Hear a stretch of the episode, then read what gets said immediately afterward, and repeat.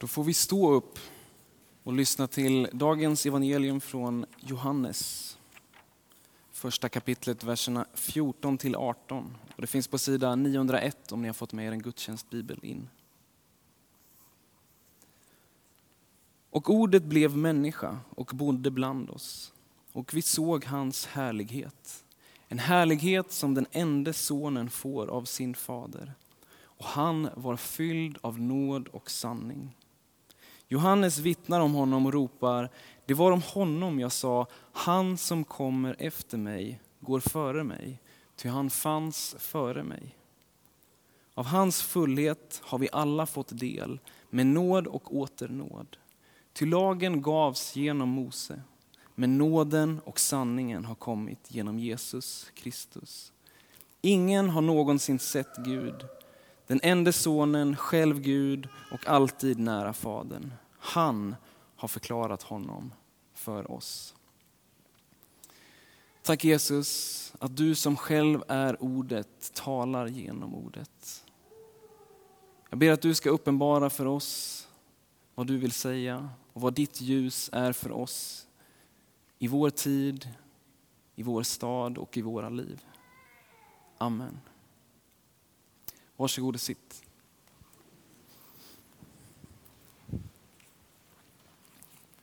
Om vi av oklar anledning är på väg genom ett berg, kanske genom en grotta eller en tunnel, och det är becksvart, då söker vi instinktivt efter ljuset. Vi trevar oss fram och letar efter en öppning. Och om vi helt plötsligt långt fram börjar ana ljuset så är det i bästa fall en öppning som leder ut i det fria. Och i värsta fall så är det ett tåg som kommer rakt emot oss.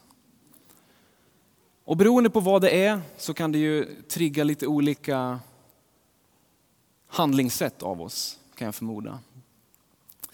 Men det finns en gemensam nämnare mellan de här två olika ljusen. Och det är att om vi på något sätt har befunnit oss under en lång tid i mörker så är det lätt att bli bländad av ljuset när det väl kommer. Samtidigt som ljuset är det vi längtar efter, själva målet för vår vandring genom det becksvarta berget. Och jag tror att det här kontrasten mellan ljus och mörker är kanske det mest kontrastrika vi har i världen. Redan i skapelseberättelsen så, så står det att Gud började skapa himmel och jord och sen sa Gud, var det ljus och det blev ljus. Och helt plötsligt så kunde det här som tidigare var skapat synas. Kontrasten mellan mörker och ljus är som noll och ett, som ingenting och allting. För det är genom ljuset som vi helt plötsligt ser och förstår. Ljuset uppenbarar och visar oss saker. Och uppenbarelsens ljus, som är dagens tema, det är ett ljus som är precis så stort som det ljus är som skingrar mörkret. Som gör att vi helt plötsligt kan se på en mörk plats. Och i den årliga evangelietexten som vi hörde Eva läsa tidigare så möter vi de nyblivna föräldrarna Josef och Maria. Och jag har själv aldrig fött något barn och kommer väl rent biologiskt aldrig heller kunna göra det. Men jag har förstått att det ska vara något riktigt i hästväg. Att bli förälder. Och det är kanske inte så konstigt. För att helt plötsligt så kommer någonting som inte var till att bli någonting förmodligen är det också en ganska traumatisk upplevelse. Helt plötsligt kommer det både ljus och ljud från ett barn. Och I Josef och Marias fall så kom inte barnet ensam, utan de fick på köpet herdar, diverse djur, får, en åsna sägs det till och med fanns där. Och som pricken över i så kommer det några österländska män också. Snacka om dramatisk entré. En svårslagen entré.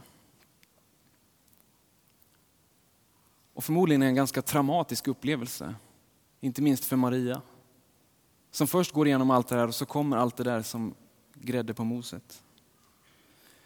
Och samtidigt så är ett barn som kommer till någonting helt fantastiskt, någonting stort. För när ett barn föds så tillför det liv. Ett nytt barn innebär att, att liv har skapats.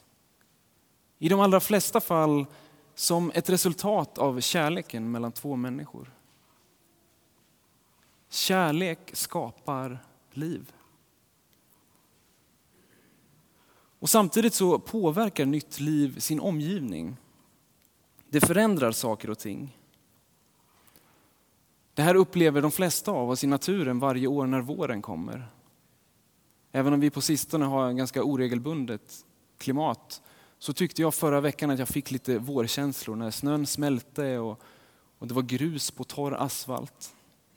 Det är något speciellt när livet på något sätt återvänder till världen och blommor börjar slå ut och skapelsen vaknar åter.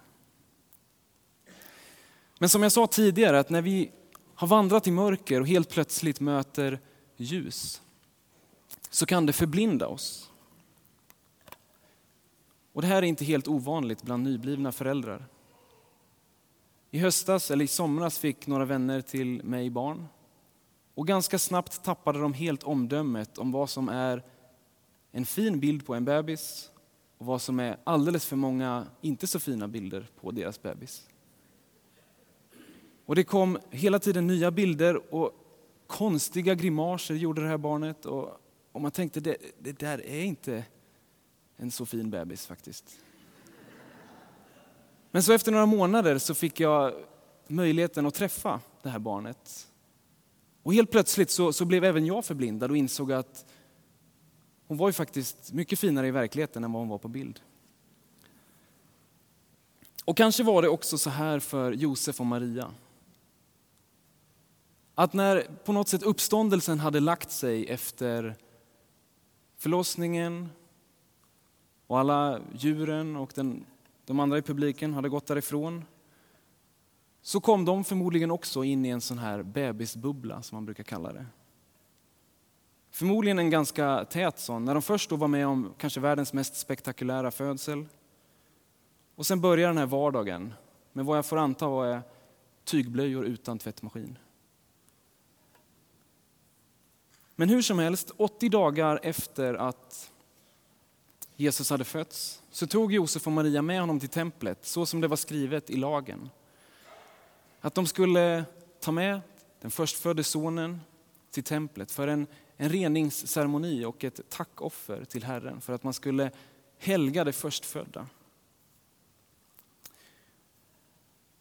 Och det är precis det som vi hörde i texten. När de tar med Jesus till templet och där får möta Symeon och Hanna. Två människor som har levt länge, är fulla av vishet och livserfarenhet. Två människor som uppenbarligen inte var inne i bebisbubblan. För när Jesus kom och föddes så kom han med liv och blev genom sin födelse ett ljus för hela mänskligheten. Och det här såg Hanna och Symeon. För de hade tränat upp sin syn och hade fått gåvan av Gud att, att se. Och därför fick de förmedla kunskapen, insikten till andra. De fick påminna Josef och Maria om vad det egentligen var de hade varit med om och vad det var för liv som de nu hade i sina händer. Och förmodligen är det därför som det står att Jesu mor och far förundrade sig över vad som sades om honom. De var lite förblindade av bebisbubblan, men de blev påminda om vad det var de bar på.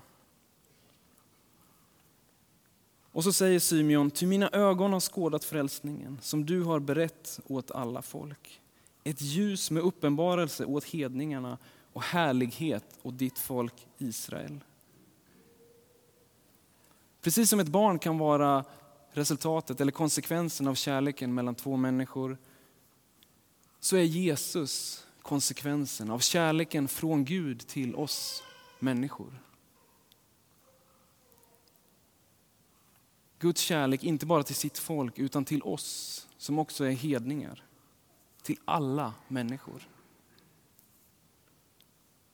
Men så stod det här, och härlighet åt ditt folk Israel.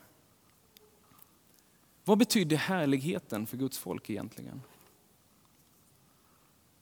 Genom Gamla Testamentet så talades det om Guds kavod, ett hebreiskt ord för härlighet. Och det kan man säga handlar om Gud i all sin prakt, Guds härlighet. Det är allt vad Gud är. I form av kärlek och närvaro. Och så står det att i templet, som var platsen för tillbedjan för Guds folk, så vilade Guds härlighet. Och då är det ett annat sånt här hebreiskt ord som heter shakan, som betyder just att närvara eller vila. Och Guds härlighet vilade. Och, och det här blev ett talesätt som fanns med även på Jesus tid, där man pratade om Guds shekina. Att Guds närvaro var vilande i templet, Guds härlighet. Och Det här var den förståelsen som Guds folk levde med. Att Guds härlighet var närvarande i deras tempel, mitt ibland dem, där de levde. Guds härlighet var inte någonting långt abstrakt, långt borta som de kunde söka och drömma om, utan det var något som var fysiskt närvarande i deras samhälle, i deras tempel. Och det här är det som de påminns om, som Symeon får påminna om. Och nu har vi kommit fram till eh, dagens text. Men ni kan vara lugna, det här var inte bara en inledning utan vi har kommit lite längre. För i Johannes evangeliet så står det att Gud skeno, ett annat sånt där, ett grekiskt ord, som betyder att tälta. Att ordet blev människa och satte upp sitt tält ibland oss, betyder det ordagrant. Och det här var faktiskt inte första gången som Gud hade tältat. Utan redan i andra Mosebok så får vi läsa om hur Guds folk satte upp ett tabernakel, ett stort, stort tält som var föregångaren till templet, där också Guds härlighet och närvaro hade funnits. Gud hade tältat förut. Och Det är det som den här texten i Johannes evangeliet handlar om. Att Gud på nytt väljer att sätta upp sitt tält ibland oss. Men den här gången så har Gud själv blivit människa och sätter upp sitt tält i var och en av oss.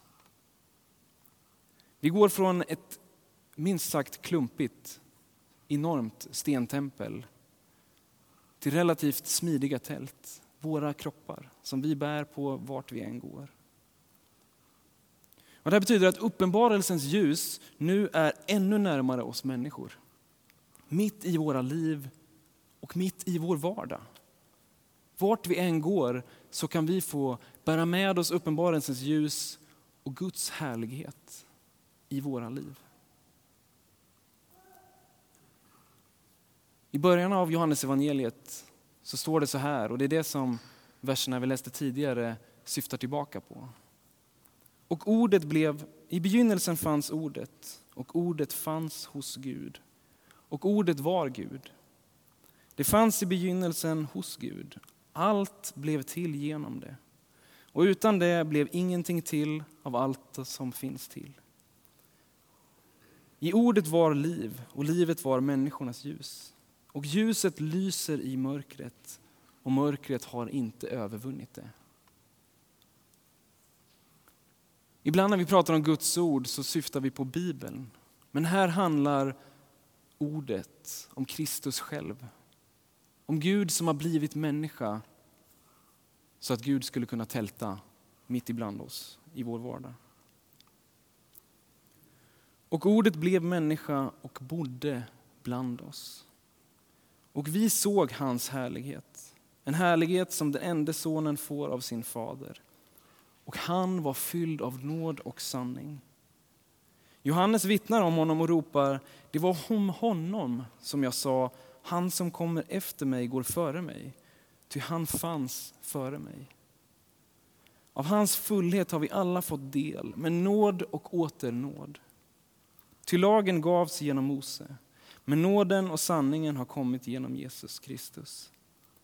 Ingen har någonsin sett Gud, den enda sonen, själv Gud och alltid nära Fadern. Han har förklarat honom för oss.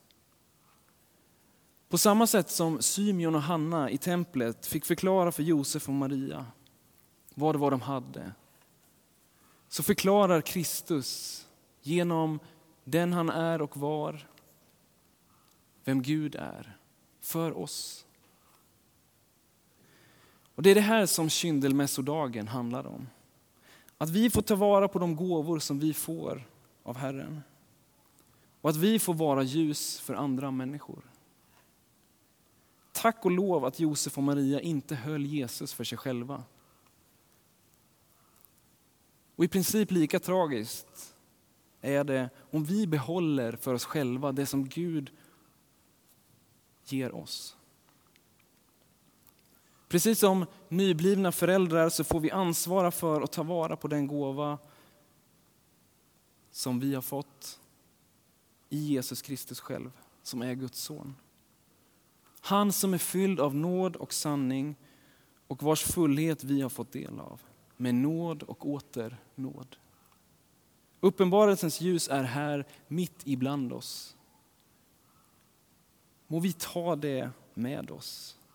Må vi ta med oss det här ljuset till de mörka platser som finns runt omkring oss, där vi vistas och där vi kan få lysa upp tillvaron för andra människor. Så att mörkret flyr och ljuset får spridas. För i det här ordet, i Jesus Kristus själv, så är det liv. Och livet, det är människornas ljus.